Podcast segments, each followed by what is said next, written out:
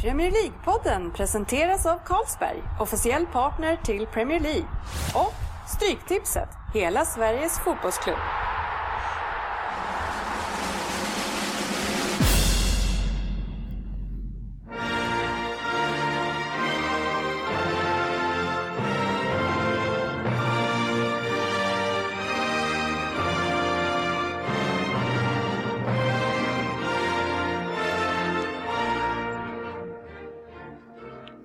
Det här är Premier League-podden, fansens egen podcast om Premier League.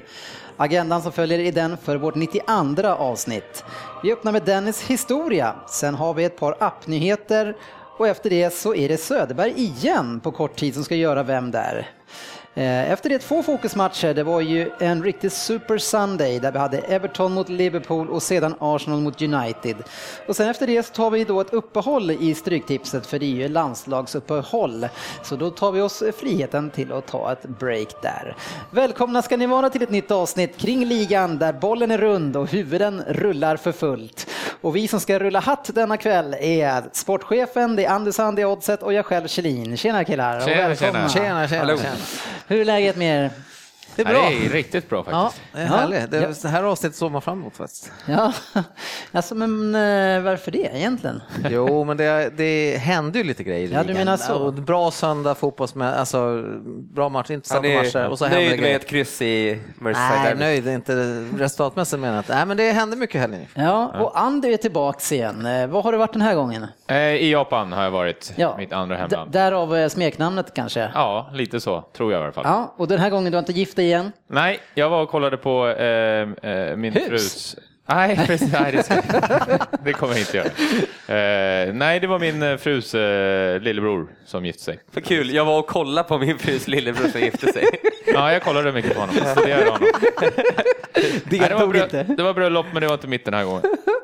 Nej, eh, som du säger då, det här blir ett späckat avsnitt för det är väldigt mycket som har hänt eh, och vi kommer inte kunna ta tag i allt, men mycket hett. Men utöver fotbollen, vad är det hetaste som har hänt i era liv annars? Du har ju varit och kollat på människor i Japan, vad Söderberg?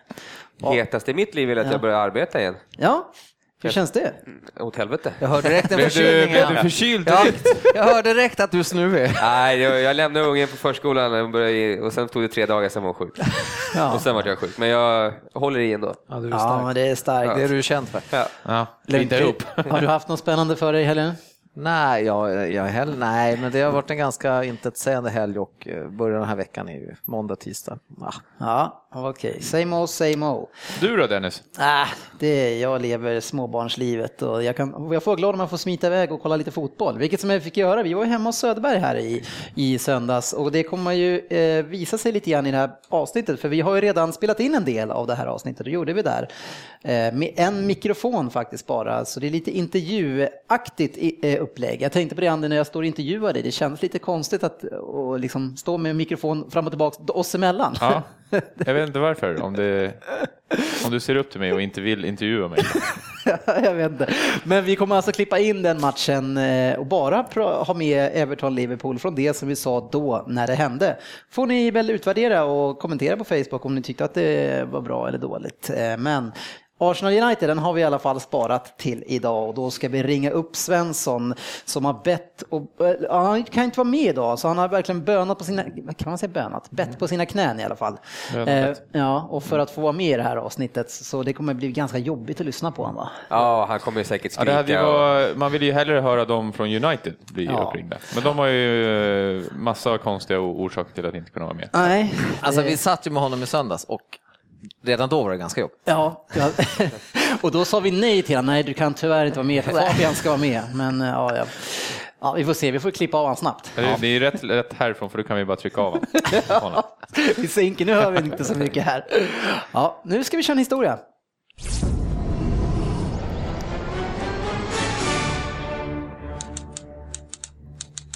Dennis historia. Ja, den här historien den ska spegla en mans liv de senaste fyra åren och varför han befinner sig i den situationen som han gör just nu. Historien den tar vid i Wales, där han som ledare fick ta vid vid ett fint lagbygge och förädla det och sedan ta det till Premier League. Ja, svanarna i Wales, de stod upp mot de stora lagen i form av possessionspel och många drog eh, liknelser till Barcelonas eh, och var väldigt imponerande i alla sina framträdanden i stort sett. Samtidigt i nordväst så hade det anrika laget Liverpool som vanligt de senaste två decennierna svårt att hitta in på spåren. Underhållande och framgångsrik fotboll, eller faktiskt inte in på något av de spåren. Brendan Rodgers, han skulle bli ändringen på detta och han värvades in för att ta Liverpool in i framtidens fotboll. Samtidigt som det här, ja då pågick det ett annat projekt lite grann till öster där Manchester City började bygga en storklubb. Pellegrini värvades in och han skulle ta, ta med sig sin offensiva syn på fotboll med väldigt högt pressspel. Detta höga pressspel blev ju det nya modet i Premier League och många topplag skulle anamma det. Och så även Brendan Rodgers. Med ett högt försvarsspel så får du ju väldigt fina möjligheter om du vinner bollen högt upp. Motståndarna är på väg framåt och inte alls lika organiserade som man kanske är då. Man får backa hem i lugn och ro. Med aggressiva och snabba spelare som Suarez, Sterling, Sturridge och till och med Henderson så blev Liverpool hemska att möta och motståndarna drömde mardrömmar om Suarez innan han dök upp i deras stab. Pressspelet i sig det kräver ju då att du har världsklass egentligen på alla positioner, annars kommer man få svårt att hantera de gånger som motståndarna bryter igenom den första pressen. Man kan behöva en Alonso eller Mascherano eller Piqué eller varför inte en Gerard i ung form som då kan läsa av spelet och styra bort motangreppen. Brendan Rodgers plan med hög press och positionsspel, den fungerade väl trots att han inte hade världsklass överallt. Den offensiva kraften gav extra balans och dolde de stora problemen i framförallt backlinjen men även på fältet. Det räckte nästan till en Premier League-titel trots att, då att man släppte in väldigt mycket mål. I öster, ja, där har ju Pellegrini samma upplägg. Och försvaret, det höll ju inte heller för att spela denna typ av spel. Alldeles för många som inte håller tillräckligt hög klass, vilket som visar sig gång på gång i Champions League. Och när Agüero inte gör mål på chanserna så kan man förlora egentligen mot vilket motstånd som helst. Eh, och i och med att man spelar det här pressspelet utan världsklass i backlinjen och sen så har man ju då inte heller tillräckligt med struktur. Den sista tiden så tappade Brendan sin Suarez och Sturridge och Sterling, men han vägrade att förändra sitt sätt att spela. Han ville fortfarande spela som ett, på ett sätt där man kräver att man är bättre än motståndarna i varje lagdel. Anfallet gör inte mål och försvaret klarade inte heller omställningarna. Ja, ingenting sa ju att det här var rätta sättet för detta Liverpool att spela boll på och just precis därför så fick han ju till slut sparken. Och Kanske så är det precis därför som även Pellegrini kommer få sparken och kanske han redan borde ha fått gå eftersom han försöker spela ett press man-man-spel med Demichelis i backlinjen. Pellegrini, om du nu inte förstår det här, ja, då tycker jag att du ska avgå med. Det är en kort inledning på en diskussion som vi ska ha kring, kring Brendan Rodgers, sportchefen. Brendan Rodgers, det är ingen som har missat det, han har ju fått gå till slut. Ja, till slut så plingade det till lite till luren i söndag så eh, det stod att han skulle få gå så fick man ju titta runt och det bara smattrade till. Och, eh, ja, även om jag, att det var väntat för mig, eller jag, man anade vart skulle det barka hän, så var det väl ändå efter ändå kryss då, då mot eh, Everton mm. så trodde jag väl kanske inte riktigt att han skulle få gå i söndags. Då. Men Precis. det var tydligen dags, då ville yxan, yxan gick. Vad säger du kring eh, min analys kring hans spelsätt och det här moderna pressspelet man har försökt eh, och även kopplingen till Manchester City om man ser för problem där. Känner du att det kunde ha varit, finnas någonting i det? Ja, nej, men det tycker, alltså jag tycker framförallt då som vi har diskuterat lite du också, försvarsmässigt framförallt är de ju väldigt lika de här lagen tycker jag. Att, att man, har ju, man har ju märkt så uppenbart vad bristerna är någonstans. Mm. Och att tränarna nästan blundar för det, alltså just, och, det, och det är ju jättekonstigt då. Eh, sen kan man ju alltid diskutera otyp och skador på vissa spelare och att de försvinner från Men, men eh, så här med summa så större delen tycker jag absolut att det mm. finns likheter mellan lagen. Och det som City gör för, för att äh, gömma de här problemen mer, alltså är, man har ännu bättre klass framåt. Och det som man hade det året när ni var så bra, det har ju vi till viss del nu också. Så man kan ju slå ut sin motståndare och skapa mer tryck. Men, men med den eh, forwardsbesättning och den offensiva kraft ni har haft, eh, framförallt senaste året och efter start, så har ju inte det här funkat. Så då borde man ju helt enkelt ha tänkt om. Ja, precis. Jo, men exakt. Han skulle ju liksom ha, nu har jag inte Suarez längre, jag får ty, bevisligen inte tag i ersättaren, en Suarez-typ. Jag har de här att leka med, jag måste tänka annorlunda, men han har ju, ja, man måste nästan säga med en dåres envishet malt vidare liksom, och tänka att, ja, men jag vet inte vad han har tänkt, ja, det lossnar säkert snart för någon, eller, men alltså, ja, ja, jättekonstigt. Vad säger du Andy? Eh, Brendan Rodgers, var det rätt att han fick gå? Tycker du? Eh, ja, men det tycker jag kanske i varje fall. Eh, Med ett litet leende på läpparna för de som inte ser det här. Ja. Nej, men det är ju en eh, konkurrent till oss och eh, som Everton-supporter så vill man ju lite illa om, eh, om Liverpool såklart.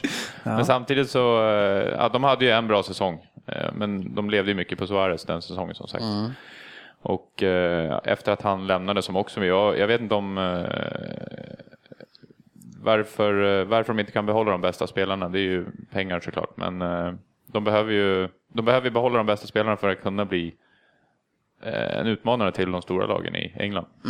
Och eh, jag tycker det är en sak som är konstigt med defensiven. Det är inte det är City som har hur mycket pengar som helst, och det är Liverpool, United har problem med defensiven. Att hitta liksom en, en stabil mittbacksuppställning. Eh, liksom. Hur är det möjligt? Jag fattar inte.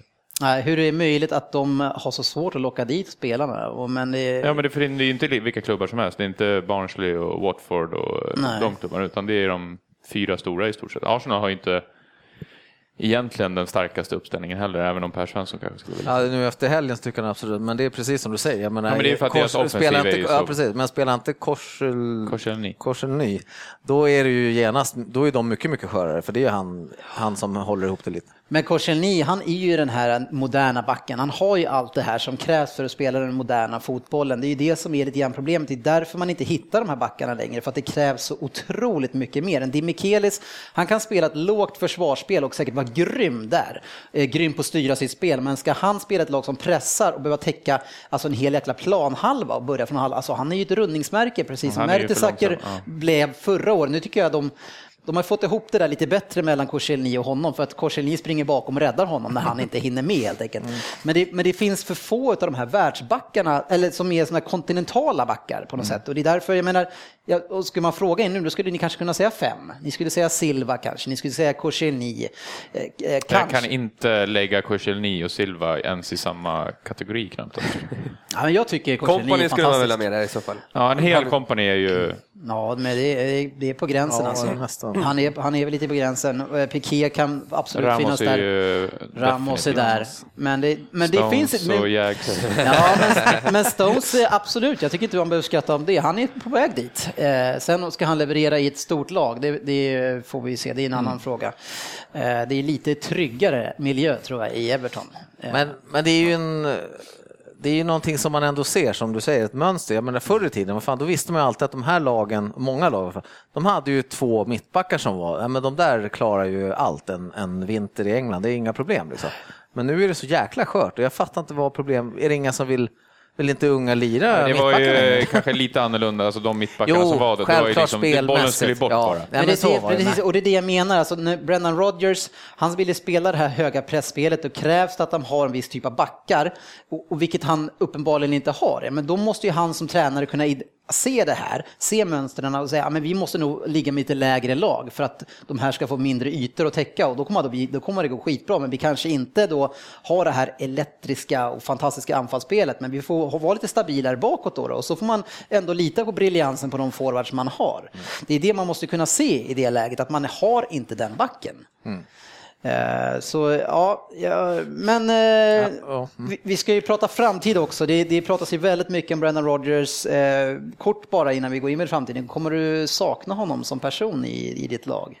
Ja, men alltså det är självklart så, jag menar man har ju fått, man håller ju på Liverpool. fått känslor för honom? Man har fått känslor för Brendan. Nej men, nej, men alltså det är, så, man tycker ju synd om personen själv. Det är väl fan inget roligt att någon får kicken så. Alltså, han har ju lagt ner sin själ i det här liksom. Så att, det är klart man kommer sakna honom på ett sätt, men jag saknar inte på det sättet att han har varit så jäkla blind. Så han får ju på något sätt skylla sig själv. Alltså. Ja, Så att, eh, det, det, ja, vad ska jag säga, så här, det är så här både och kan man väl säga. Liksom. att- Men, eh, nej, men han har, Han är ju ganska profillös kan jag tycka. Men han är väldigt, verkar vara väldigt ödmjuk Ja, ja, och en sympatisk människa. Ja. Men eh, tänk att få in liksom någon som är, kan riva om lite där.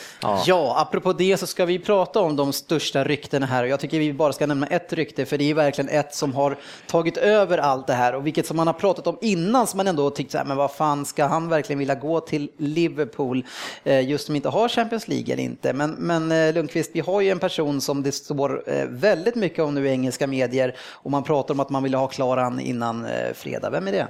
Eh, jo, det är ju eh, en eh, ganska känd tränare för många och framförallt Andy tror jag som följer tysk liga varje Jürgen Norbert Klopp, har ni hört talas om honom? Nej, men han är ju det klart hetaste ryktet och eh, jag tror ju att när man ser på det så här i efterhand nu, att han fick gå i söndags efter matchen, så jag hävdar ju nästan att någonting har ju redan varit i görningen liksom. och nu vart det landslagsuppehåll. Mm. Det är någonting som nästan är klart, känns det som. Alltså. Fast då borde de, han redan vara presenterad tycker jag. Ja. Varför ska man då behöva vänta till på fredag? Ja, så det, känns ändå som att... Kuckelimuras lite. Men det må, han kanske bara, men det, ja. ja. ja Nej, men alltså det är min egen spontana, men, men, det, känslan är ju så. Och sen får han då, den nya tränaren, om man nu, även om han presenteras om en dag eller två, så får en ganska långt uppehåll nu och ändå komma... Där spelarna inte är hemma. Ja, vissa utav men Liverpool har väl, varit borta Ings och... Ja, fan, ni måste väl ha några landslag? Coutinho har tackat nej till landslag, han åker ju inte iväg. Och så han kan köra eh, specialträning med Coutinho. ja. Nej, men, nej, men skitsamma. Men grejen är så här, jag måste ju säga att, att jag, det, det, det jag känner till om denna Klopp, det är ju att han var väldigt framgångsrik i Dortmund och han hade skapat någonting från, från en nivå och till en högre nivå. Men Sportchefen, vet du någonting mer om den här Klopp? Ja, men jag har ju läst på lite om den här eh, tränaren nu som jag tror är helt klart hade läst på. Jag har varit ute och googlat. Ja, och det är väl att läsa på nu ja, tiden. Precis. Det, det, är inte så att Söderberg, du går inte in till biblioteket och lånar en bok. Ja, encyklopedin och, jo, jo, och skriver för hand. Jag vill ju gärna, eh, även när jag kör Vem där så är jag mycket på siffror. Så att den 16 juni 67 i Stuttgart eh, föddes denna tyska fotbollstränare. Han slog ju väl igenom kan man säga. Han, han spelade ju i eh, FSV Mainz eh, och gjorde där 325 matcher eh, mellan 90 och 2001 och gick direkt då 2001 så hoppade han på där som tränare. Då.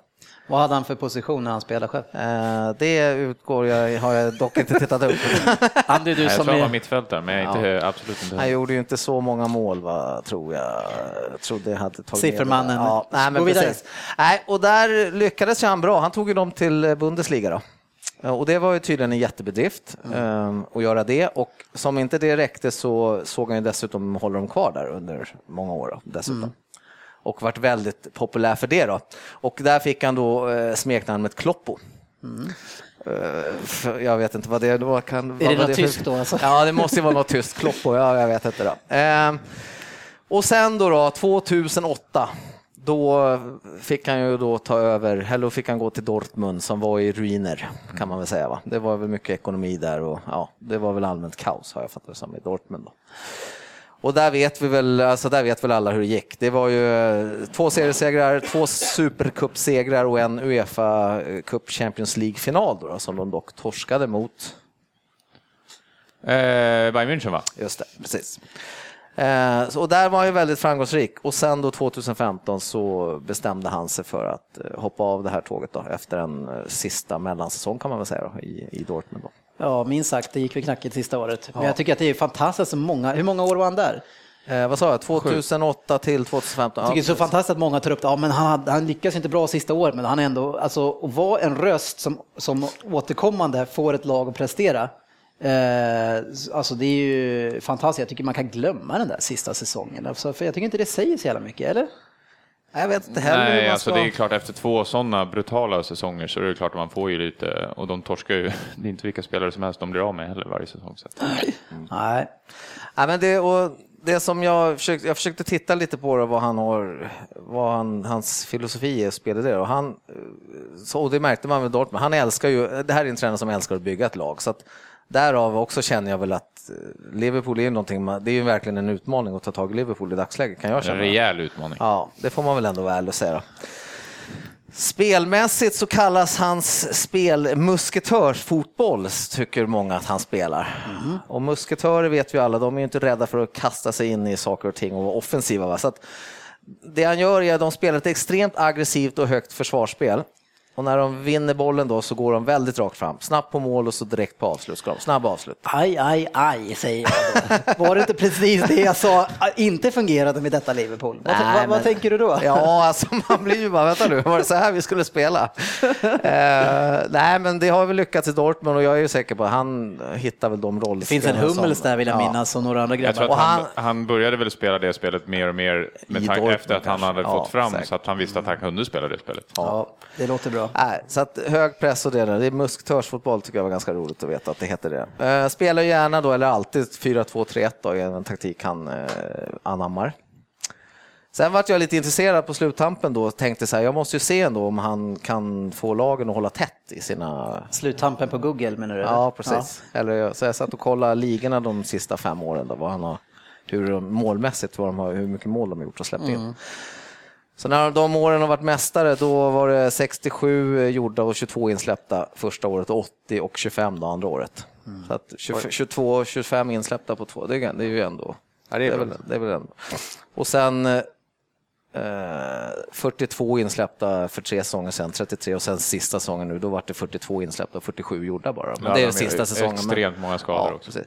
Så att, eh, trots då sin musketörsfotboll där med en aggressiv och det så verkar det ju ändå som att han hittar balansen. Då på något sätt. Jag tänker så här, om, om han nu blir klar så är det ju... Eh, det känns ju som att han är klippt och skuren för Arsenal egentligen. Alltså för deras spelsätt och deras spelare som Arsenal har. Att han skulle kunna ta det här spelet direkt till Arsenal och köra så. Alla Arsenal-fans Bara checka in, måste liksom. ju Ja. liksom bli helt gråtfärdiga. Ja, de tänker nu får vi behålla Wenger i tio Ja. år till. Jag är absolut inte ens klar, eh, eh, säker på att han kommer gå till Liverpool. Nej, jag vågar inte. Alltså det, nu är det nästan så att det nästan är för klart att det är klart, men jag vägrar ändå förrän jag ser liksom att... Jag har ju bara känt att han, att han väntar in Pep på, i Bayern. Att Ja, han, det att känns som att han kommer men, ta eh, någonting större. men det är, så mycket, det är så mycket rök här utan att, någon försöker, utan att han kastar in vatten heller. Eh, De hade ju träffat på honom på gatan där och han har verkligen sagt ja eller nej. Det är, ingenting som är, nu ska jag gå, det är ingenting som är klart, nu går jag hem. Så jag menar, han kan ju bara säga nej, nej, nej, eller vad han vill. Men eh, eh, jag vet inte vad han får ut av att det ska snackas. Jag Men om, jag läste någonstans också då när jag höll på att läsa det och det var, då var ju även City hade ju varit på tapeten. Eller liksom, Det vart ju lite surr efter Pellegrini. Och då, Precis. då hade han, en, alltså det här är ju bara vad jag läst, då hade han enligt utsago själv sagt att han liksom inte ville, vad fan ska jag säga utanför, han ville liksom inte ta det här färdiga på något sätt, som vi ändå säger München och de här är, liksom, att det här är, det är ändå ett klart koncept. Förstår du? Han vill ha, det lät nästan som att han vill ha Dortmund i ruiner, eller han vill ha det här laget och så vill han liksom bygga och så och sen det här är min skapelse. Typ. Alltså, jag fick den känslan, ja, ut, det, det är väl den känslan jag fick utav så att det är väl det som talar för Liverpool. Sen förstår jag, ringer München och säger så här, Du hörru sa Klopp, precis att din klubb är ganska Men alltså, risig, det vet jag. det är ju ganska tacksamt att göra sådär, för man kan ju aldrig misslyckas helt. Man kan ju bara lyckas egentligen när man tar hand om sådana här lag.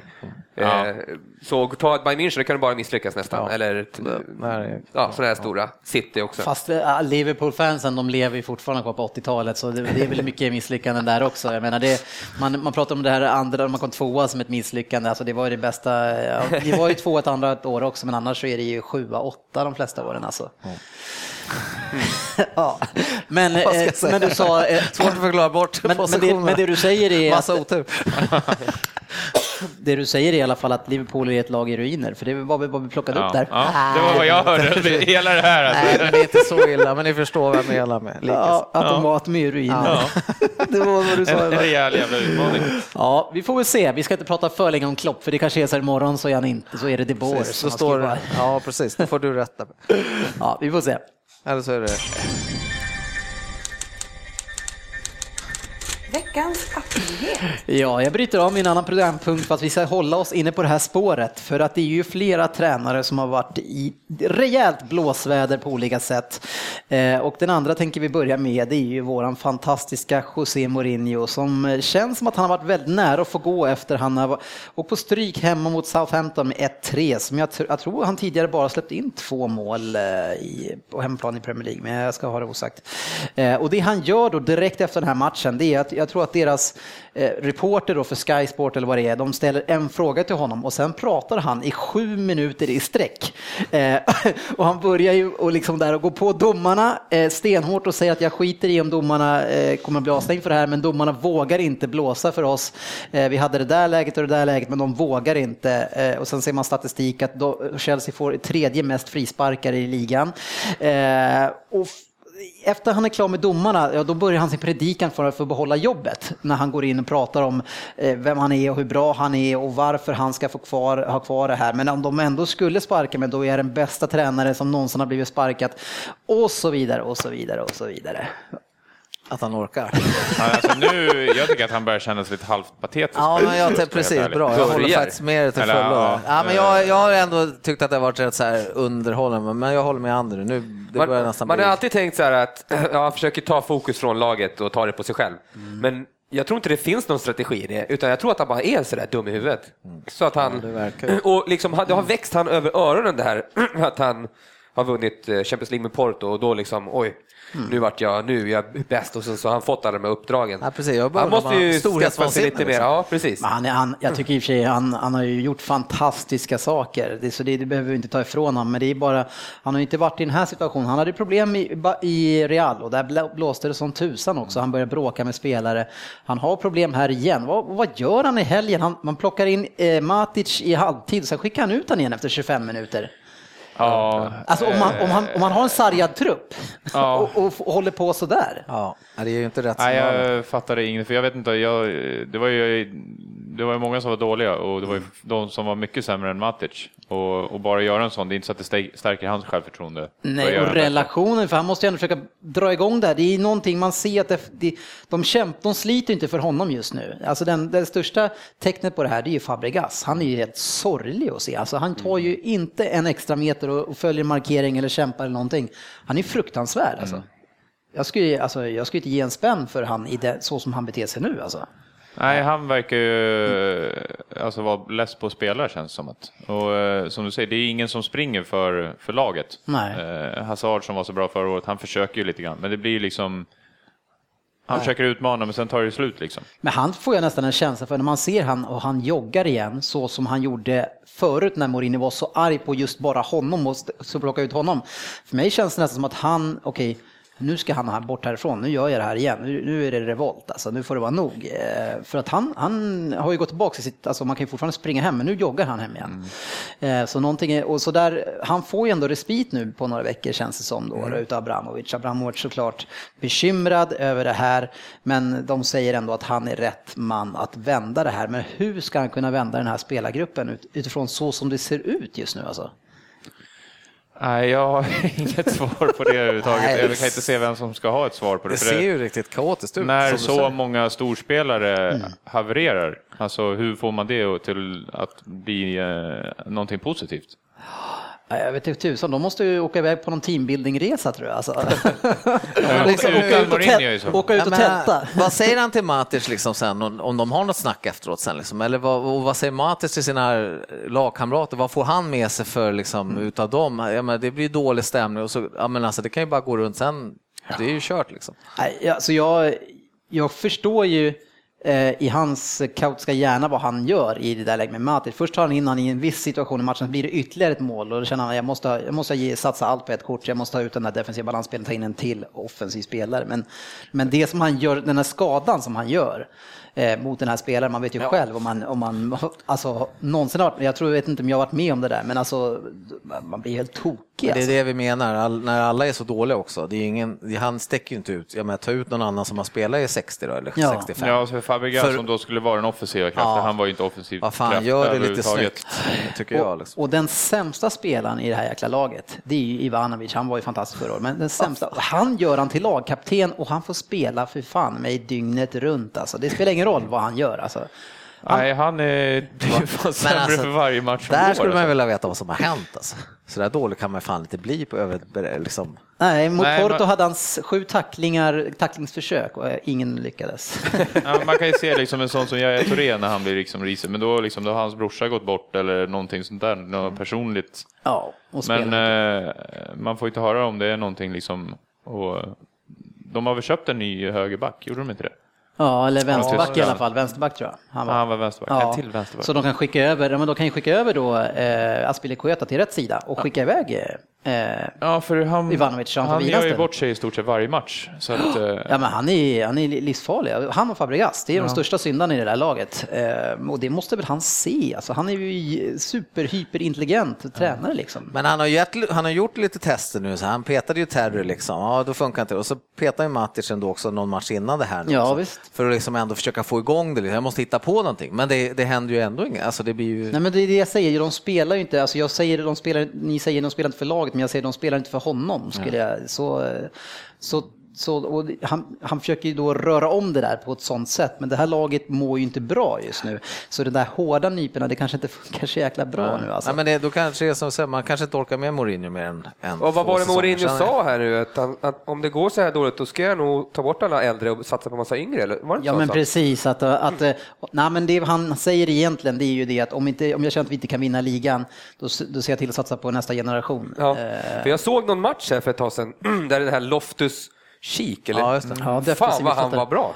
Jag får- förstår inte hur att han inte kan få spela mer. Defensiv Jag, jag tänkte så här eh, under de fem minuter jag satt och liksom, vem är killen? Tills jag såg hans rygg. Mm. Han var hur jävla bra som helst. Och de här vann väl Champions League tror jag för ungdomslag, eh, eller lika, jag vet att de vann i alla fall inhemska i, i Premier League, så det finns ju en bra kull där liksom. Men det, det är ju, alltså pengarna, det är ju lite grann Premier Leagues förbannelse, lite grann det där med pengar och att man kan köpa in väldigt mycket spelare och, och, och kanske fansen och omgivningen kräver att man ska plocka in stjärnor istället för bygga lag.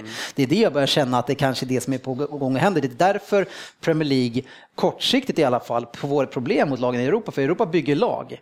Vi köper stjärnor eh, och plockar in liksom det som man kan få för pengarna. så tala lite, lite för er själva också. Jo men alltså absolut, City är en del av det, men det är ju inte bara City som misslyckas. Nej, det är de Eh, storklubbarna som så, har pengar. Så, och jag tror att kortsiktigt då, då, nu plockar alla in, så man får hoppas att det här sätter sig lite grann. De kan väl bara, men, sitt på de där pengarna sen liksom, och ta ut lite, ge aktieutdelning eller gör vad fan ni vill, men håll inte på köp, köp, köp, köp, köp hela tiden, utan skapa Mm. lite stabilitet. City har ju faktiskt lite, ändå lite stabilitet, man köpte ju väldigt mycket för några år sedan. Sen har man ju inte köpt så mycket bara, men nu betalar man mycket pengar å andra sidan, men man tar in de pusselbitarna man behöver. Så det är ju ändå mer sunt. Bara för att man var avstängd i Fina- Financial Fair Play i två säsonger. Ja, det var det som fick oss att stanna av. Ja.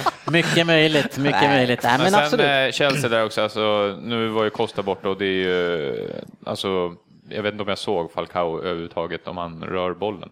Eh, det är en konstig värvning eh, alltså. Ja, jag vet inte vilka de kunde ha fått dit. Vi har ju pratat om en spelare off-air, om man ska kalla det för, och det är Mané som jag sågade rejält förra året. så jag började skratta, Vi- vill inte prata om det här och jag får väl krypa till korset här. Han tillsammans med också en annan spelare som jag också varit ganska elak mot, eh, det är ju Pelle.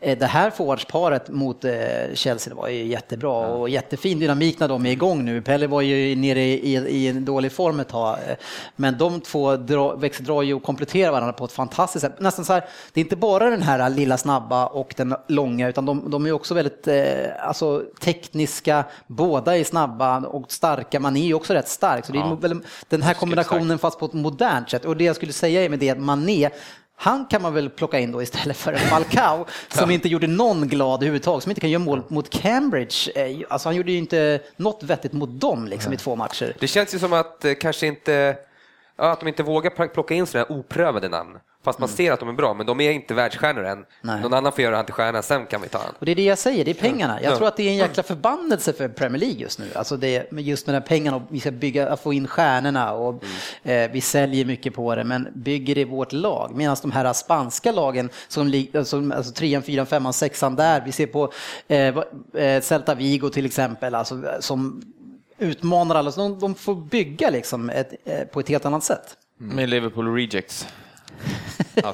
Nej, men, eh, du säger att eh, Chelsea vågar inte satsa på unga, unga, men de har ju ändå liksom, hur många såg vi hade de på utlåning? Typ 46 stycken. Ja, och det är 35 ju bara unga spelare i stort sett. Jo. Men varför inte, som man säger, alltså varför inte ta in dem och, och liksom försöka göra någonting? Nu såg jag faktiskt lite grann innan jag åkte hit, den här Ake, tror jag han heter, Ja, som har suttit på bänken tror jag varje match för Chelsea i stort sett. Då tänker man så här, när ska han få chansen? Men han var ju jättedålig. såg jag i den här matchen. Så hur har han suttit på Ja, Chelseas fast tänk dig att sitta hela tiden och så får chansen och så har du all press. Liksom. Ja. Nej, men Han har ju ingen press. I en. Jaha, ja, jaså, du menar så? Ja. Jaha, var det, spelar har i Watford Watford? nu. Ja. Det hade jag ingen aning om. Utlånade. Åke. Ja, han spelar ju i Watford. Jag vet inte alls. Vi, vi ska trampa vidare, men vi måste ju också berätta att Dig Advocat har kastat in handduken och Mm. lämnat Sunderland här nu då. Eh, Ett skepp som inte riktigt har seglat eh, eh, under den här korta tiden och stackars Sunderland gör ju inte det. De, de, de, är ju, alltså de, sjung, de börjar ju liksom under ytan i- under alltså inledningen på säsongen här. Sen så, Han, han skulle ju aldrig ha skrivit på nytt. Han skulle ha tackat för sig förra säsongen. Han bara, tack, jag gjorde det här bra, vi hörs. Ja. Jag går i pension. Och nu snackas det lite grann om Big Sam. Tror att Ja. han, eh, skulle du som min förespråkare han, tror att han är intresserad av ett Sunderland i det här läget? han, är, han hugger väl på allt han får tag i, det tror jag säkert. Men, men sen hörde jag någonting om Laudrup också. Ja, det såg jag också. Det lät ju lite intressant. Det, det lät nästan intressant. Men är det någon som vågar plocka på honom, han som bara gör ett bra år och sen så går det, sen är det kaos? Ja, han gör Jag ju... sprang på honom på Köpenhamns flygplats förresten. Ja, Ja, vad, sa, vad sa han kring det där? Jag, jag tänkte så här, Ja, fan, du är jag journalist. det? Jag är journalist nu.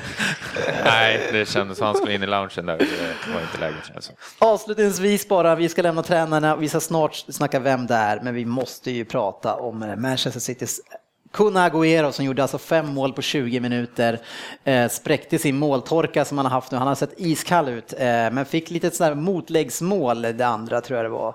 Eh, och sen så rullar det på. Ja, de mötte ju Rosersbergs IKs eh, mittbackspar. Nej. Nej, vi hade nog varit bättre än Ja, men otroligt märkligt med tanke på första halvleken han gör. Där, där jag tänkte så här, vad fan har jag han som kapten i mitt fantasylag för? Jävla skit. Sen började jag laga mat och hör jag bara hur det bara plingar till hela tiden. Jag bara, fan. Nej, det, var, i- i- det är bra, men alltså Newcastle faller ihop som Ja, vanligt. Jätte, ja. Och det, det är väl lite grann som, som med Sunderland också. Sunderland ledde ju med 2-0, men alltså när det börjar lite gå bak, alltså åt fel håll från de här. Samma sak med ett lag som Tottenham mot stora lag. Vi kommer ihåg i premiären mot United. Liksom. Eh, Alltså, jag vet inte, Newcastle, de spelar ju faktiskt ut City i första halvlek. Jag var helt galen, apropå det här med att försvaret och inte kan spela det spelet som vi vill spela. Det är Mikelis och Tamendi, alltså det var ju kaos i varenda jävla anfall.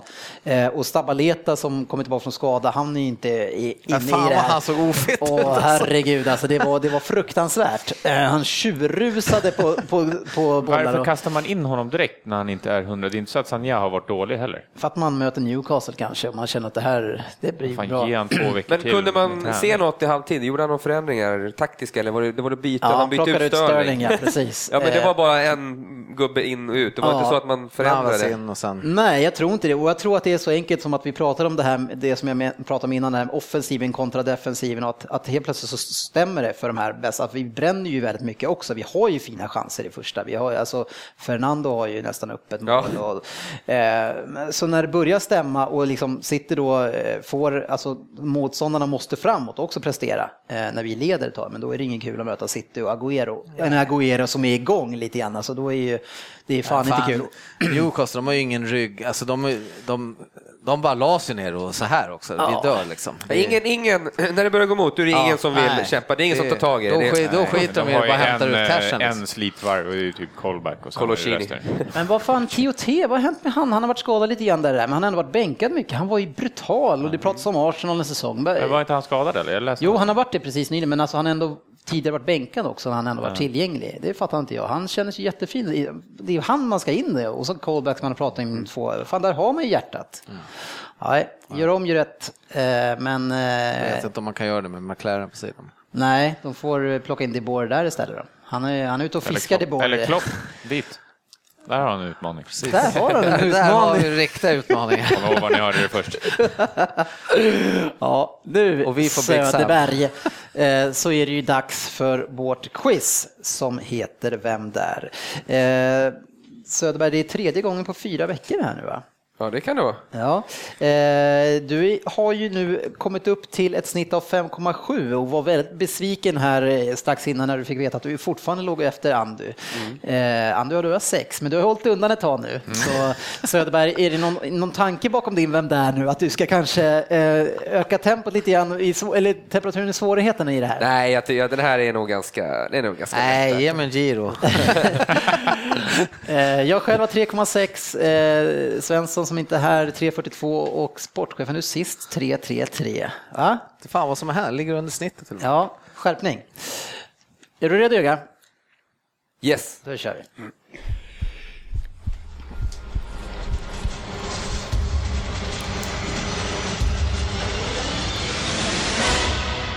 Vem där? Tjena podden! Kul att vara med här. Jag har ju ändå börjat komma upp i åren nu.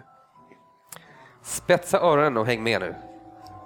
Jag kom från Willem 2 till England. Där stannade jag i tio år innan jag drog vidare till Tyskland. För att sedan komma tillbaka till England och då till Brighton. Men där blev det bara sex månader. Nu kan ni se mig i Schweiz, där det är tänkt att jag ska stanna i minst två år i alla fall. Hängde ni med? Eh, det gjorde inte jag heller större delen, under, under större delen av min karriär. Men jag var bra på annat. Det var 10 poäng. Det var 10 poäng. Ja, Du verkar så finurlig så har du haft lite på jobb att göra. nu. Gud, jag var nära på att göra bort mig där alltså. Men vad, vad sa du om Schweiz? Nej, återupprepningar.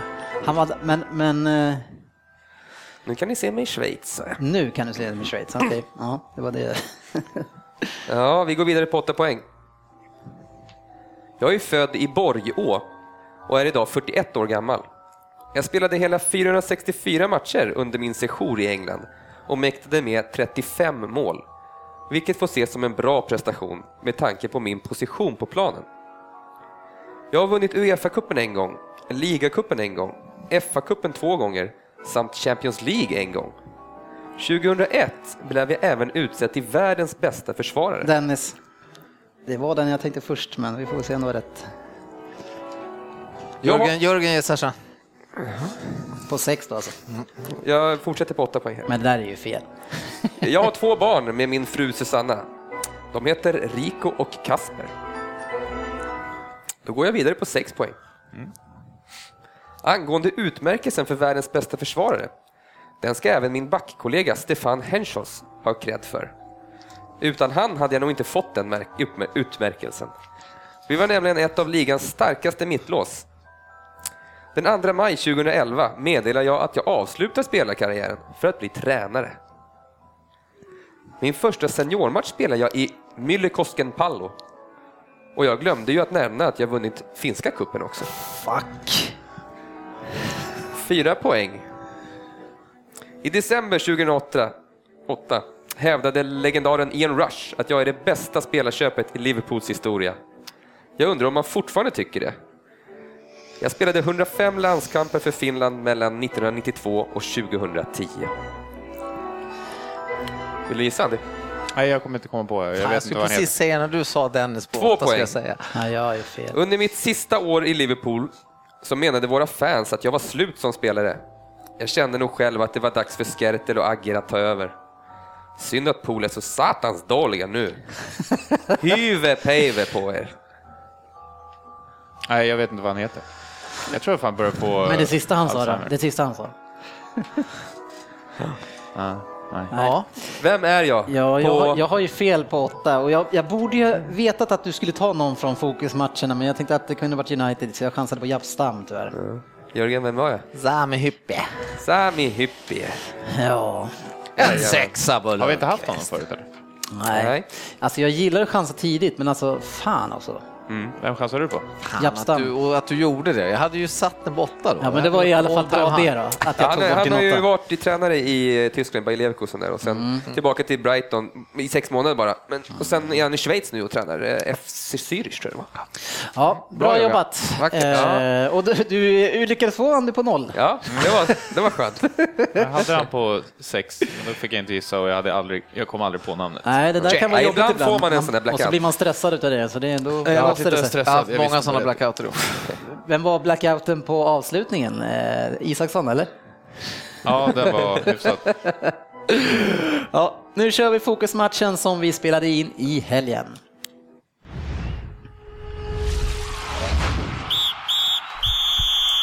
Veckans fokusmatch. Eh, vi kör lite nya grepp här i Premier League-podden då vi testar att intervjua varandra lite grann under matchen och i hettan under Merseyside-derbyt. Ett klassiskt möte där Liverpool kanske numera saknar den här lokala förankringen i laget så som Everton har faktiskt lite mer av. Men eh, vad tycker du och vad tror du att det spelar för roll i en sån här match? Eh, nej men alltså det är klart att det spelar roll. Eh, lokal förankring är alltid bra. Publiken rycks väl med extra mycket då när det är lads from the neighborhood om vi säger så. Då. Så att, eh, det är väl bara positivt tror jag. Men eh, sportchefen, det är ju så att ni har ju tappat väldigt mycket av de lokala eh, grabbarna. Har ni ens någon just nu som är i truppen?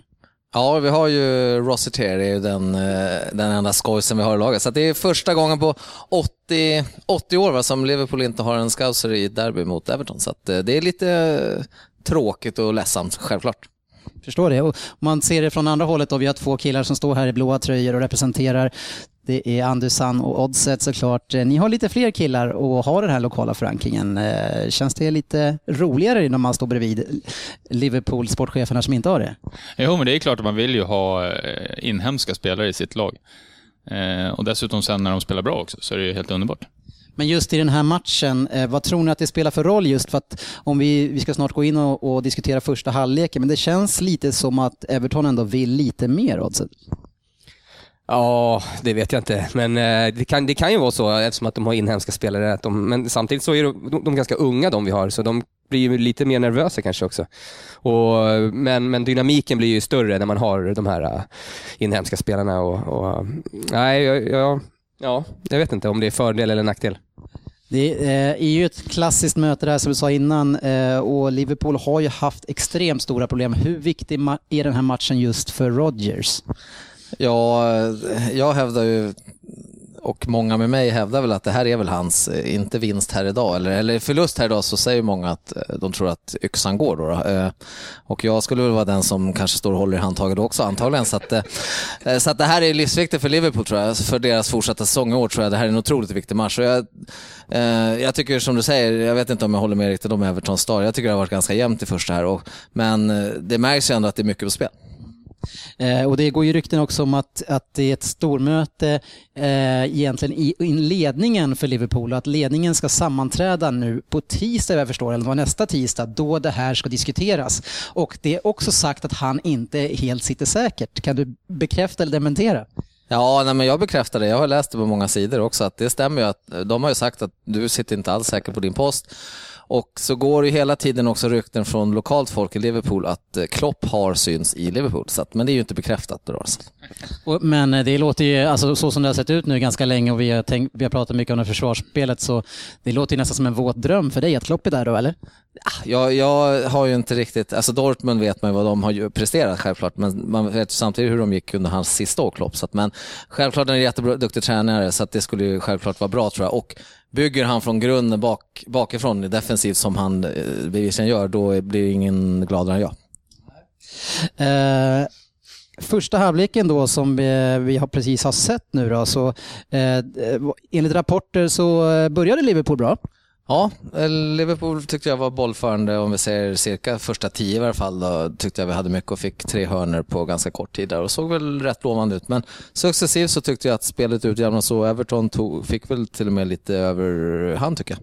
Ja, det som jag reagerar på, jag kom in eh, efter tio minuter här, eh, bra stämning här inne måste jag säga. Vi är ju hemma hos Oddset Söderberg idag, ett eh, fint gäng som jag har slutit upp, en åtta pers tror jag. Eh, och, men det som jag reagerar mycket på det är att eh, Everton, de tar väldigt mycket andra bollar och vinner tillbaka bollen snabbt på offensiv planhalva. Det känns som att man har det här pressspelet som man eh, var framgångsrik med för två år sedan, Söderberg. Ja, och ju mer matchen har lidit så har det blivit så att vi har tagit över mer. Men det är samtidigt också som att vi släpper in ett mål och då blir det så att vi automatiskt flyttar upp lite kanske för att få in ett till. Då. Men eh, ja, det, jag tycker det är en rolig match och domaren, eh, domaren har nog varit bäst tror jag idag. Han släpper ju spelet mycket och det blir mycket närkamper och lite heta känslor och det gillar man ju i sådana här derbyn.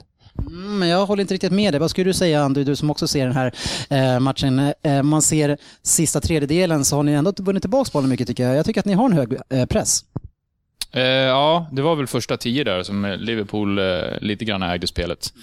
Eh, men ja, de spelarna som jag vill se en bra inställning på, som Lukaku och Barkley, tycker jag har ändå visat det de behöver. Det som jag eh, reagerar på lite grann här, alltså Rodgers, vi vet ju att han, han ändrar det taktiska en hel del, men nu är den här trebackslinjen alltså tillbaka igen. Eh, hur ska han ha det egentligen? Ja, men det är, väl, alltså, det är väl så här vi ska spela, bevisligen under hans ledning då, om vi säger så då, i varje fall, eh, som det verkar. Eh, men, men rent defensivt så är det ju återigen så tycker jag Evertons mål är ju en, en otroligt dålig rensning av eh, Kan i det här läget då, som går via Skertel upp på Sakos bröst och ner till Lukaku. Det kan väl inte bli mycket mer Liverpool än så va? Hyfsad framspelning tycker jag. det är så vi är vant oss att se dem. Men den här trebackslinjen den var ju framgångsrik redan förra året. Varför ska han spela med fyrbackslinjen då så här långt och det ska behöva gå så här dåligt för att ni ska hamna där igen?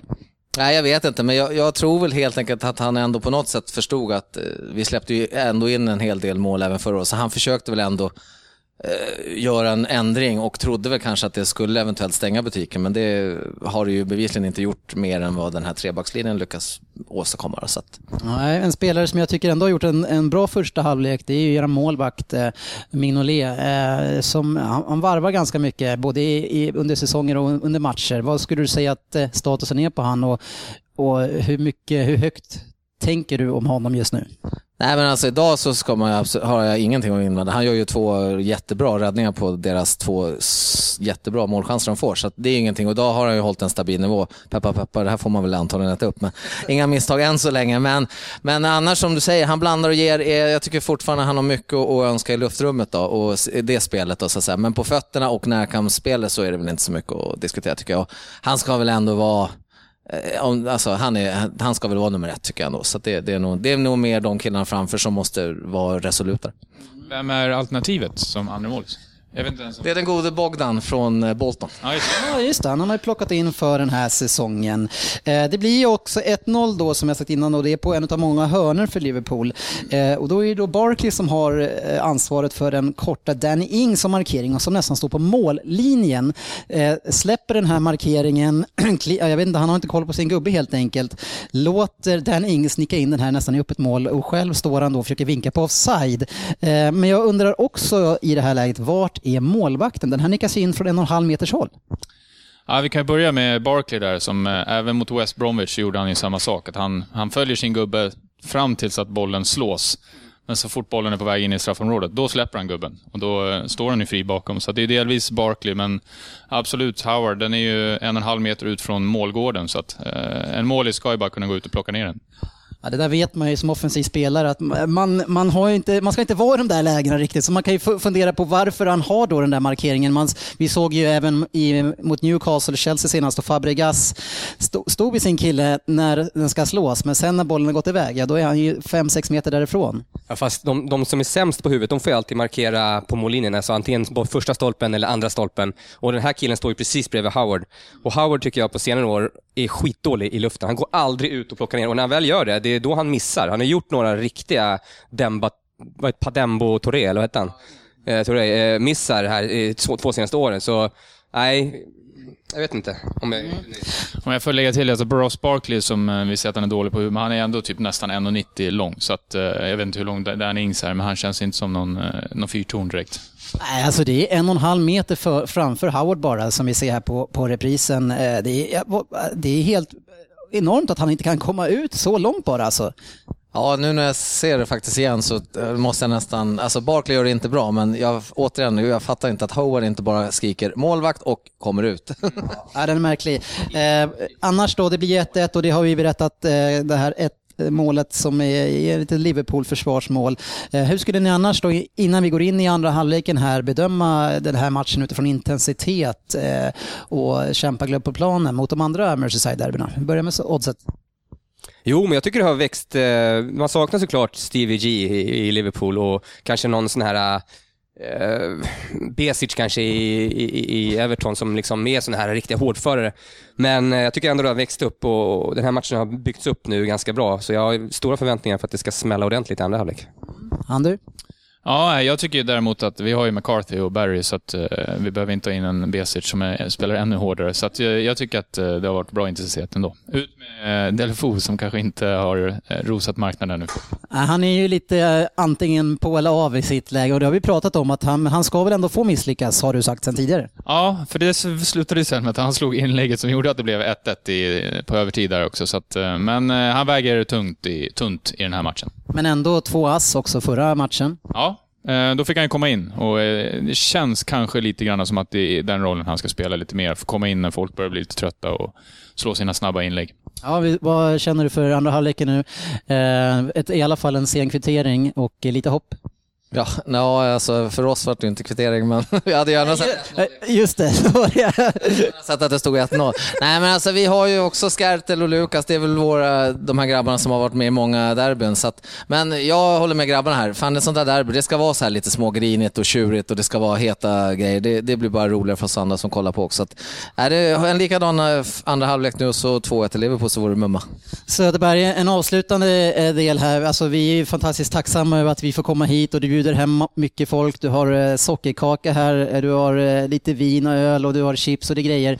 Och sen har du satt på en projektor, men på väggen på projektorn då har du alltså bilden på brädor med ungefär en, centimeters mellanrum på åtta brädor. Så den här bilden, ja, jag, vet, det är nog bland det sämsta jag har sett. Hur försvarar du det här? Nej, men eh, och projektordukar är överskattade, tycker jag. Nej, jag är faktiskt så att jag köpte en, en duk på en konkursutförsäljning och, och sen när jag vecklade ut den när jag kom hem, då visade det sig att det var en ramen runt om var helt svart och så var det bara en eh, 50 tums eh, ungefär. På, så jag ska nog köpa en annan. Du kanske ska testa att rulla ut grejerna och kolla på dem innan du köper dem. Den kostade 200 spänn och osett. Jag köpte grisen i säcken. Lite som Martial. Jag tror att det är bullshit. Han vill dela upp planen i olika zoner och står här och visar ungefär vart man ska sätta press och inte. Ja, vi får se hur det blir i andra halvlek. Tack ska ni ha hörni. Rejält helt stämning här i 78 minuten hemma hos Söderberg. Eh, och eh, nyligen så kände nog Söderberg att eh, Lukas skulle fått ett andra gult kort. Eh, ingen eh, utvisning där på Lukas. Ja, det är skandal. Det är den, fan den största skandalen hittills i år. Domarskandal alltså. Det är uselt alltså. Lukas kommer på efterhand och först sparkar han lite grann och sen så en till spark för att se till att eh, Everton-spelaren inte kommer fram. Eh, Nu blev han utbytt också och, det var så solklart. Man såg att han försökte trippa honom med flit. Han kom efter. För det är för dåligt.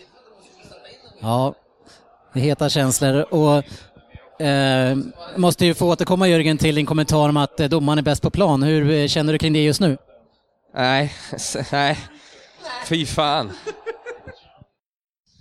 Yes, då har vi precis avslutat eh, matchen då mellan Everton och Liverpool. Eh, en match som slutade 1-1. Eh, vi pratade i halvlek om Mignolets spel i luften, sportchefen. Och det är så här då i andra halvleken så skickar Browning in ett inlägg som jag, jag skulle inte förvåna mig om, om det, bollen är i luften i 10 sekunder och är på väg att landa ungefär en två meter från Mignolet. Men Trots detta så står han kvar och väntar på den här situationen som sker eh, rakt framför honom. Eh, vad är din tanke kring det här? Ja, men jag vet inte vad, hur de tänker liksom. Han, man ser ju verkligen... Men, men när du säger dem, vilka är de? Eller han då, om vi säger han. Eh, vad han tänker på liksom, när, han ser ju mycket väl i god tid att den här kommer komma, jag måste ju agera på något sätt. Men ändå står han liksom kvar och bara lurpassar på det nästan. Det ser ju helt, det ser komiskt ut nästan. Ja, den är i luften som sagt, alltså den är ju riktigt hög. Och Howard samma sak på första målet. Vad är problemet?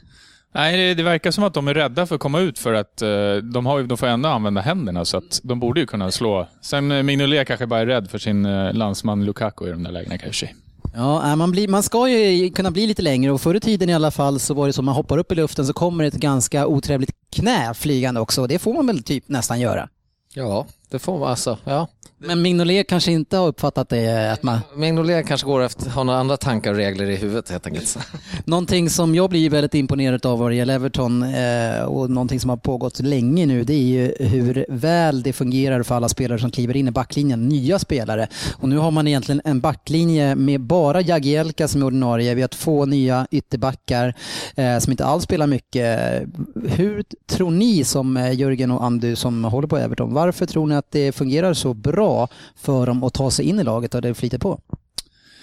Eh, ja, den är, det är en bra, riktigt bra fråga. Eh, ja, men det är väl att de, har, eh, att de kommer in bra på träningarna. De har ju spelat, det är inte så att de inte är, de är inte helt nya i truppen, någon av dem. Eh, så att de, och sen så är det Jagielka som snackar med dem förmodligen. Och det är bra fotbollsspelare dessutom. Så att. Söderberg säger att han, han eh, har svaret. Ja, eh, jag tror att det är helt och hållet på Jagielka. Han är ju Englands bästa mittback just nu eh, Tycker jag. Och han, han håller ihop det försvaret och det är nog ganska enkelt för de andra att anpassa sig till honom då. Eh, Och han, han styr det där.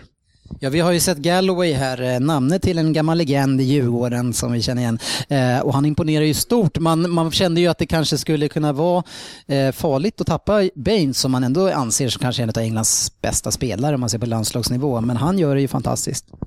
Ja, Galloway är väl den som har eh, tagit de största kliven eh, på den här starten av säsongen. Eh, fick jag hoppa in direkt när Baines var skadad och Vedo inte var i form heller. Så att, men han har ju tagit chansen, så just nu ser det ut som att Baines inte riktigt behövs just nu faktiskt. Vad, vad kan du berätta om Galloway? Vem är han? Oj, jag ska inte ljuga, eller jag ska inte ljuga och säga att jag kan eh, allt för mycket innan den här säsongen, men uh, han har ju funnits i uh, ungdomslaget ett tag i varje fall, så att uh, ja, han... 97 skulle jag gissa.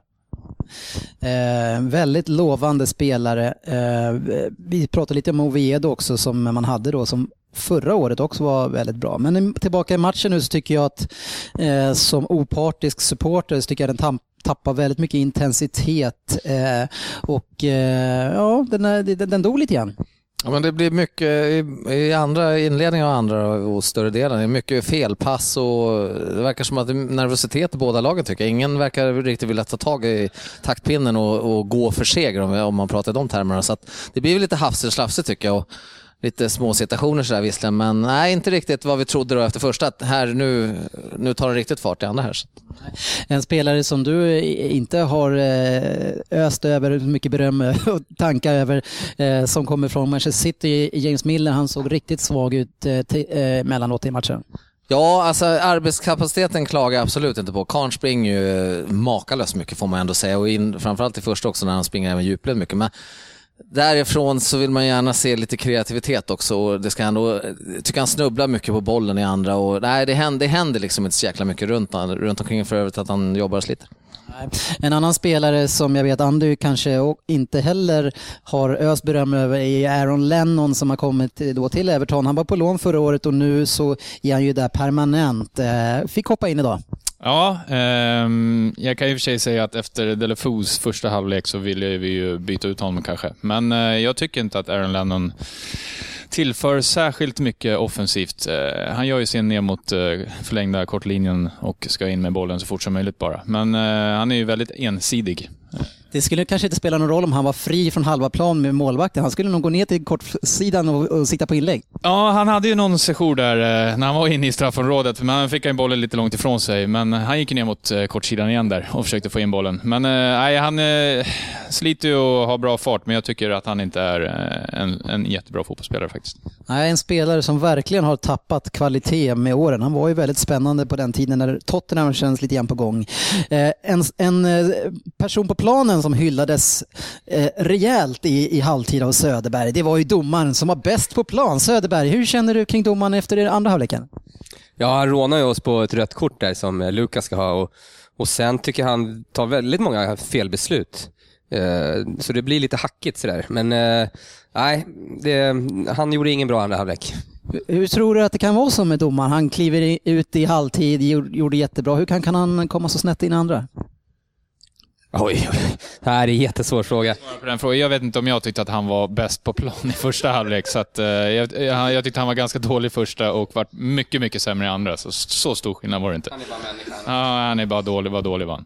Jag har varit mest chockad över Söderbergs hyllning i första halvlek där, så att jag vet inte riktigt vad jag ska säga. Det var, ja, nej, vi lämnar det där här tycker jag. Ja, matchen tar i alla fall fart i, i, i sista 5-10 minuterna i alla, och då, eh, i alla fall och då eh, sportchefen, då var det svårt att sitta ner. Ja, fan jag blir, man blir ju spattig när man eh, hamnar i det här läget lite som Liverpool gör för att Everton fick ju lite tryck. Men jag, det hävdar jag beror ju mest på, därför kan jag inte sitta ner för jag blir helt galen när fullvuxna spelare som tränar sju dagar i veckan och spelar matcher inte kan få iväg bolljäveln från eget straffområde typ, eller egen planhalva och hålla i bollen och ta det lite lugnt utan typ fjuttpass en meter till motståndaren. De hjälper ju till i momentet för Everton att göra, sätta press på oss. Usch. Ja, eh, I slutet också, i den här hettan som vi pratade om, så Lukaku Saku hamnar i lite handgemäng och blir rejält arg på varandra. Söderberg, eh, vem tror du skulle kunna, vem skulle gå vinnande ur en sån duell om man skulle släppa vildhundarna som de kändes i det fallet eh, lösa? Ja, jag, jag, kom på mig själv sittandes och ungefär spela tecken 3, där när jag bara ville rikta in en smäll mot Saku, men jag tror nog att det hade varit ganska kul att se. Ja, vad, vad tror du Andy, eh, om man skulle släppt de där, de, de, de, de är ganska stora, resliga killar. Ja, de är stora båda två. Jag tror att Lukaku är kanske lite större och starkare, men det känns som att Sakho är lite galnare faktiskt. om, jag får, om jag tror att Sakho hade tagit den faktiskt. Eh, nej, men matchen slutar då 1-1 som sagt och jag tror att det här är ett resultat som kortsiktigt i alla fall fungerar ganska bra för båda lagen. Eh, Rodgers, eh, tror du att han får stanna, sportchefen? Ja, det tror jag väl att han får göra, men det har ju inte för... jag tycker fortfarande spelmässigt det förändrar ingenting eh, så, men jag tror att han får stanna efter det här. Och, men det vet vi att du är inte särskilt glad över. Nej, jag är inte den lyckligaste mannen på jorden över det. Nej, tack för det. Nu ska vi ge oss in i nästa fokusmatch som är den mellan Manchester United och Arsenal. Med Arsenal som eh, hemmaplan. Det där var alltså matchen mellan Everton och Liverpool som vi såg och kommenterade hemifrån Söderberg. Eh, nu är det dags för nästa match eh, och det är ju eh, toppmatchen mellan Arsenal och Manchester United.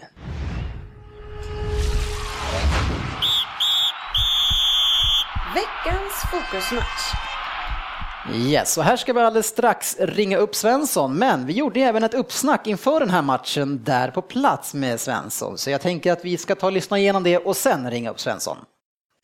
Härlig stämning här hemma hos Söderberg trots att vi kollar på en vägg som är, det är inte nog med att det är massa brädor som går i bredd så är den inte heller vit utan den är någon slags eh, eh gråbeige, eh, sportchefen, men eh, ändå bra stämning i första matchen. Ja, men det är härligt. Alltså, det här var mycket bra initiativ av Söderberg tycker jag, men eh, nästa gång kanske eventuellt jag vill se en duk på väggen. Eller kanske bara att den skjuts mot en vit vägg. Ja, precis. Det räcker nog bra det också. Eh, Svensson har vi här, eh, klev in i halvtid också såklart. Svensson, nu är det så, Kosheni eh, är borta och egentligen som jag ser det den enda som eh, håller ihop det här försvaret. Eh, hur allvarligt är det för Arsenal? Eh, det blir stor jäkla skillnad när vi måste spela Mertesacker och Paulista istället. Även om Gabriel har sett, han sett bättre och bättre ut, förutom den här incidenten när han kokade över här för några matcher sen på någon idiot i Chelsea där, så har han sett riktigt bra ut. Jag tror fortfarande på backlinjen. Jag tror när vi har fått in både Nacho på vänster och Beirin till höger så är det en, det är en bra backlinje. Det är, det är Mertesacker där då.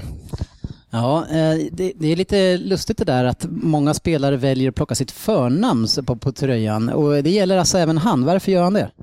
Vem? Gabriel? Ja, men han är ju brasse. Det är väl alla brassar. De kan inte spela med sina riktiga. Det måste vara någon sorts artistnamn på det. Som jag ser Mertesacker kommer ju få ganska mycket press på sig här nu då, då i en hemmamatch där man förväntas då faktiskt, eh, tvärt vad vi pratade om lite grann tidigare jag och Svensson, att föra den här matchen och ett United som absolut inte har någonting emot att inte föra den här matchen. Kan inte det bli ganska eh, stort problem då Mertesacker kan ställas mot Martial på ganska stora ytor? Ja, det, det kommer hänga jättemycket på att Gabriel gör sitt jobb och att Conclair hjälper till och städar upp så att, så att Mertesacker får ta de första duellerna så att han inte behöver hamna i löpdueller utan han ska ju få kliva upp hela tiden och, och Gabriel sjunka ner. Och det, det, det samarbetet som har gjort att Mertesacker har sett okej okay ut är att Korsenia är jävligt bra på att läsa spelet och alltid gör det. Han täcker upp hela tiden. Så, ja, det skulle bli spännande om de lyckas med Jag har sett för lite av Martial 90 minuter så det ska bli spännande att se. Eh, någonting som vi plockar upp här i, i, i förhand på matchen det är att Schweinsteiger och Carrick från start samtidigt är någonting vi inte har sett innan. Vi har haft Schneiderlin där. Eh, väldigt lika spelare där jag tror att Schwein kanske då kommer få ta den lite offensivare rollen. Men jag tror att det kan finnas ett rejält balansproblem här som man skulle kunna utnyttja i Arsenal och där eh, på mitten eh, vid omställningen för ni är ju väldigt starka på att ställa om i fart där. Ja, eh, om det nog blir ett lite mer defensivt centralt par för United så är det den här ytan så här framför mellan dem där, där jag hoppas Cazorla kan ta tag i bollen riktigt ordentligt. Att Coquelin och Cazorla vinner den kampen om man säger mellan de defensiva. För att av de fyra så tycker jag Cazorla är den mest produktiva. Den som kan lösa och gå framåt och utmana de här på mitten och ta tag i bollen ordentligt. Jag tror det väldigt, kommer bli en hård kamp där och jag tror att just Coquelin Cazorla, att vi får det att funka direkt från början. Då, då kan det se bra ut för Arsenal. Men du, eh, du hoppas väl nästan att det är United som ska föra den här matchen, men tror du verkligen att det kan bli så på hemmaplan? Nej, jag har fortfarande lite svårt med att säga att nu har ju Wengarna uttalat att Walcott är första forward, Juro är inte första forward. Det har ju varit ganska länge, men nu är det Walcott som ska vara den och jag har fortfarande svårt att se att vi kan att vi kan spela ett spel där vi ska ta tag och, och, och eh, möta en backlinje och ett försvar som sjunker hem och så ska vi ha Walcott. Jag har svårt att se det, utan för mig spelar man med Walcott så högt, då ska man i så fall ligga lite mer på rulle och få spela kontringsfotboll. Men då skulle man kunna säga, i med, om vi tror nu att det blir som jag i alla fall tror, det är att United kommer att ligga lite lågt i den här matchen, vilket då eh, Wenger bör kanske ganska lätt kunna förespå. Gör inte han ett misstag då och spelar Walcott från start? Ja, det jag tror han hoppas på och tror, det som har sett ut matcherna, det är väl att Walcott fortfarande ska kunna pressa ner en backlinje och då fortsätter det som Giroud också, eller Hartans planen, men att vi utnyttjar mer på fart nu och att att Alexei och de här spelarna bakom en sån som Özil ska få ytorna där och kunna göra någonting. Men det har inte hänt än så länge. Det, det lossnade lite här för, för Sanchez. Han har ju fått göra lite mål nu så att det bara hoppas att det fortsätter. Sportchefen, det har ju annars varit en ganska tuff vecka som eh, Arsenal-fan, vilket som kanske inte du blir så ledsen utav. Man har ju varit och spelat Champions League och igen då förlorat mot ett av de här två lagen som rankas som de sämsta i gruppen och på hemmaplan mot Olympiakos. Ja, men jag, alltså, det blir ju så här när man umgås mycket med Svensson också att det, alltid när det går emot Arsenal och stoppar ner i halsen på dem är så fruktansvärt skönt. Så att, det kommer direkt från hjärtat. Så att, eh, nej, men det, de, de har ju problem tror jag med laget och det här med framåt återigen och det är ju en man att skylla på det och det är ju Wenger i det här fallet som inte har lättat på bössan och köpt in en riktig forward till dem. Så de har ju sig själva att skylla och sen när de har så länge Mertesacker spelar där bak så tror jag inte de kommer vara med eh, alltså, och, vinna någon eh, ligatitel i alla fall i Premier League. Men jag, jag är ju lite, den här, den här, engelska problemen som vi har i Champions League, Svensson, alltså den här nonchalansen som man visar upp och eh, sätter in då eh, Ospina som förvisso inte är kanske en jättedålig målvakt men han rankas ju absolut inte som den bästa i Arsenal. Eh, och, och, men låter han då spela den här måste vinna matchen. Han tyvärr då i det läget eh, hamnar i, i, fokus när han gör några misstag. Eh, är Wenger nonchalant eh, och ja, varför tar han sådana här beslut i en sån här viktig match? Ja, det är en jävla tunn gräns att balansera eftersom det kommer mycket matcher nu och hade det varit så att vi hade vunnit den som, vi, alltså, skäm, alltså, som det ska varit. Men, men det gjorde ni inte nu? Nej, men det gjorde vi inte nu och det blir, då blir, håller jag med att det är idioti. Men alltså Spina förra året, när han klev fram i, så här, jag tror det var november, december där, då var jag en av våra bästa spelare. Han var med att det vände, gjorde några riktigt, riktigt bra matcher. Så att ha en sån bra keeper, det är klart man måste hålla igång honom. Sen kan man starkt ifrågasätta att man ska hålla igång en andra målis i Champions League när vi har torskat första matchen. Det är det som gör att, varför? Det är, liksom, det är inte som att Check spelade varannan match i Chelsea och det är inte som att han är högt skadebenägen, utan det är klart fan han skulle ha stått. Liksom. Det är självklart. Och Wenger eh, är kanske den grinigaste mannen som finns tror jag i engelsk fotboll.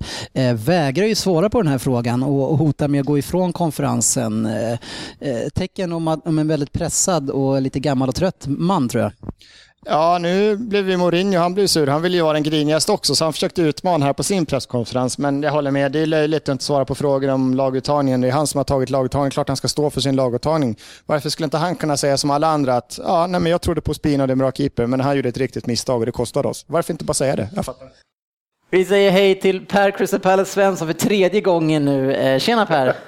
Hallå, tjena grabbar! Hej Per! Hej, nu, nu hör vi också. Vi har ju vår sportchef här som har varit så duktig och gjorde ordning utrustningen innan men han har tryckt in någon knapp så att du hördes ju knappt. Men nu hör vi din vackra, härliga stämma. Ja men vad härligt att höra, även när du ljuger det låter underbart.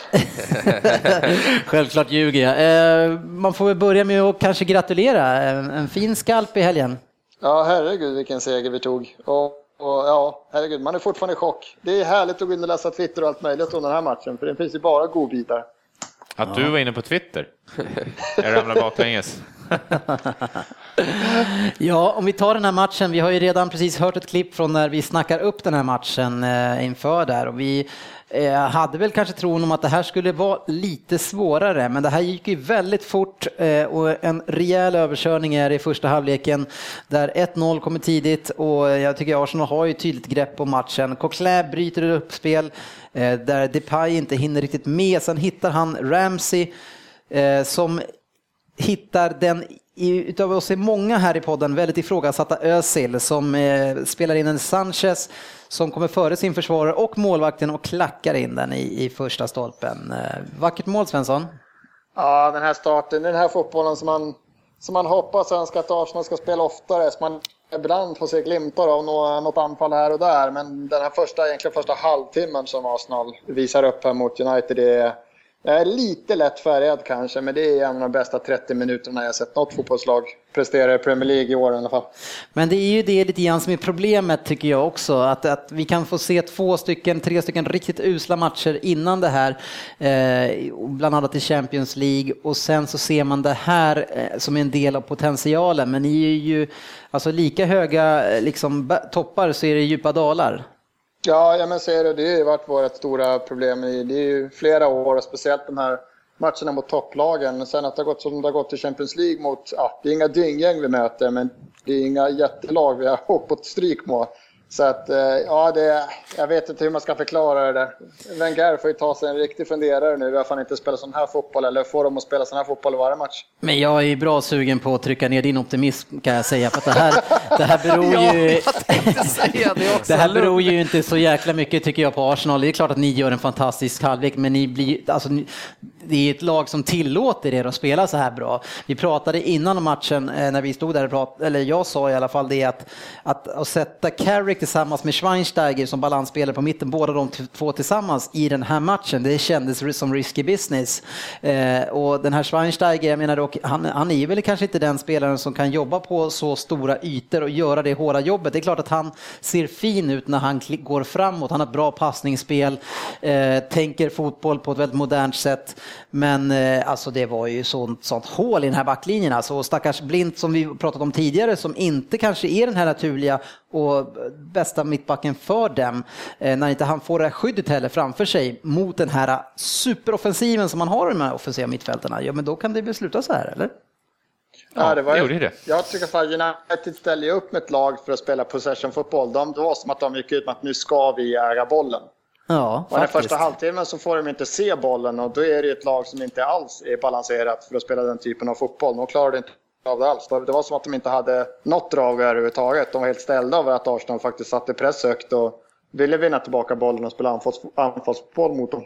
Ja, ser, man ser det på statistiken att eh, possession var ju 62 procent för United mot 38 Arsenal och det brukar nästan vara tvärtom egentligen när Arsenal spelar. Men det mm. känns som att United ville, för sig, det var ju mycket andra halvlek där när de Ja, det var ju mest andra Men då, då, då körde ju inte Arsenal sitt pressspel heller riktigt. Eh, Nej, och det är väl dumt om man leder med 3-0. Då ska man ju Ja. Varför ska vi låta, varför ska vi göra det för? Nej, men det tycker jag ändå. Vi, man, vi är ju ofta väldigt kritiska mot Wenger och hans matchcoachning. Den här matchen stänger han ju. Så ja. nu när han gör någonting bra, då får vi faktiskt ge han det. Att, eh, han gör en fantastisk första och sen så bara säga till nu, nu stänger vi butiken bara. Och det, det gjorde man ju.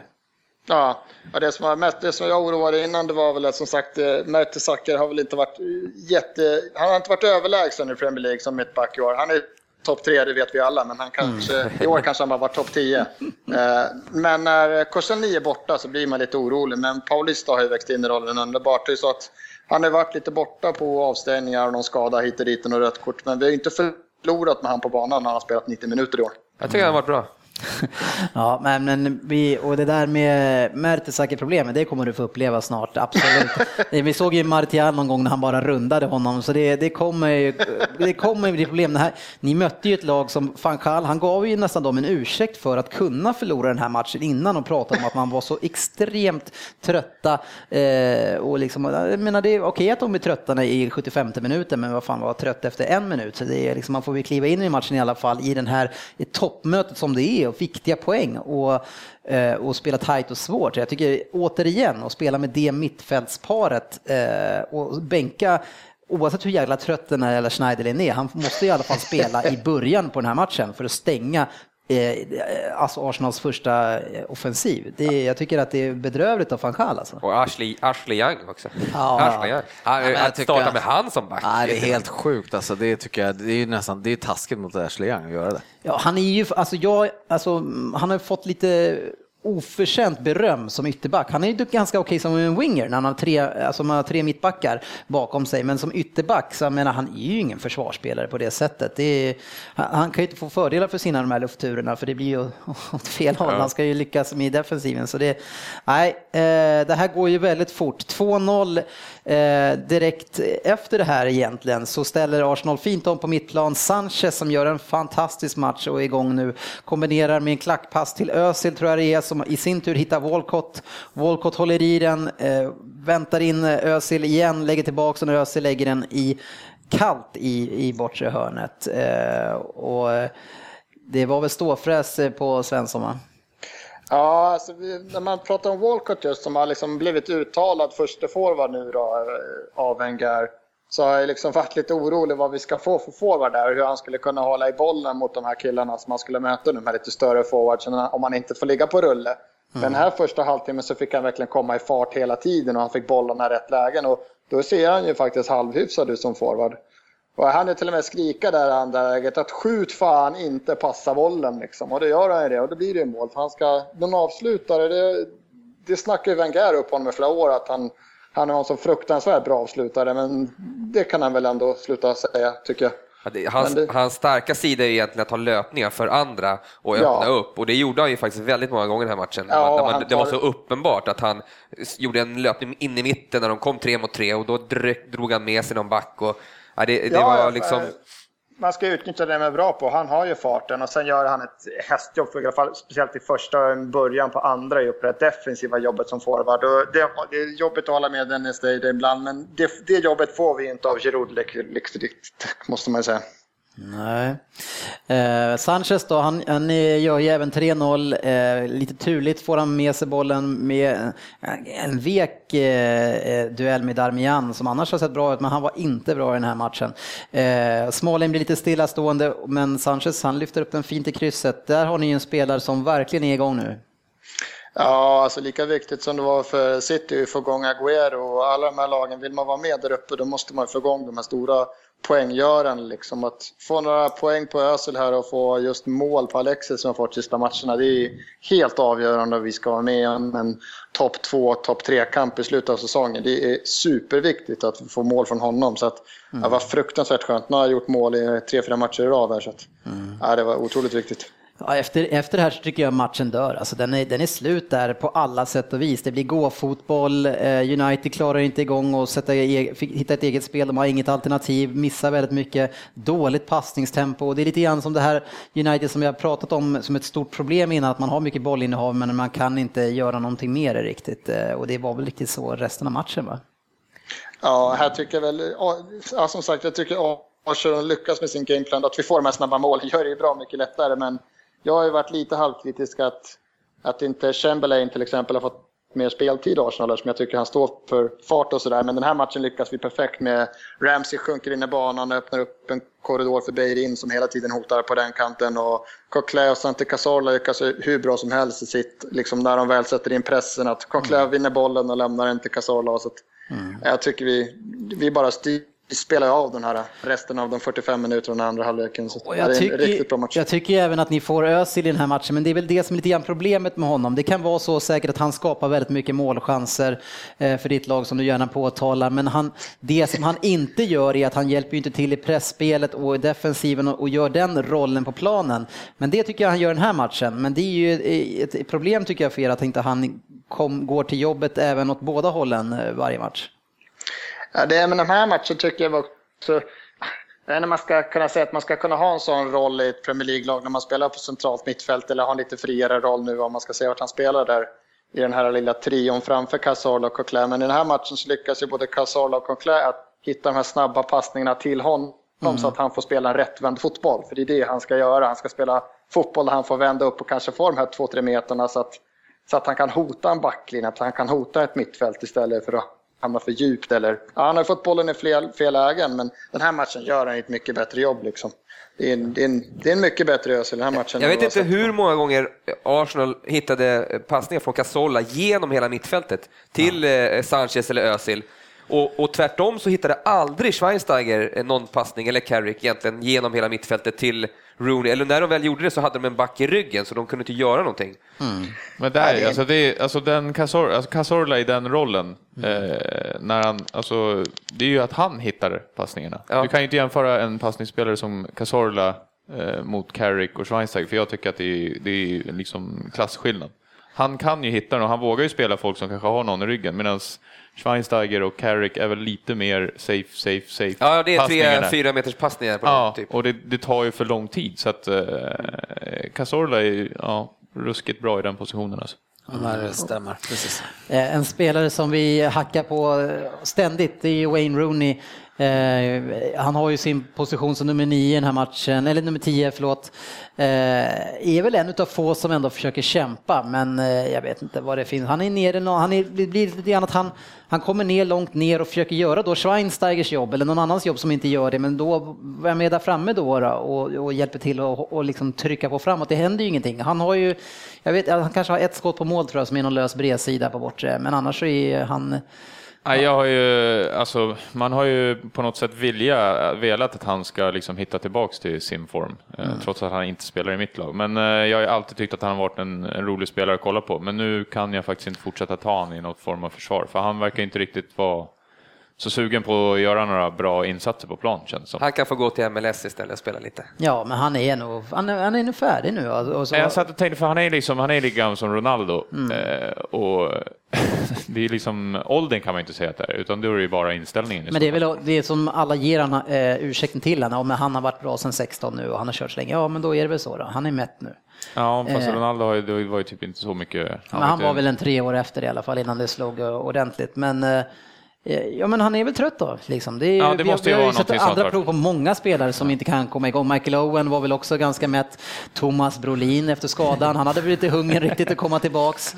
Fan, Eh, han så- skulle behöva, han skulle, Rooney skulle nog må bra av lite miljöombyte tror jag. Fan, få tillbaka suget kanske. Men alltså. med den lönen han har, ska du, ska du ta det? Med Nej, nej, nej, men alltså vi bortser eh, vad, han, vad, vi ser, vad Rooney behöver, sen vad, vem fan som ska ta lönen där. Men jag vad han behöver som spelare. Han, Men sen eh, alltså Louis van Gaal med sitt, eh, alltså vissa spelare känns som att de liksom eh, det ser ut som att de är rädda för att ta och göra någonting utöver vad de är tänkta av honom att göra. Eh, alltså en löpning in där de inte ska vara. Då stannar de bara upp.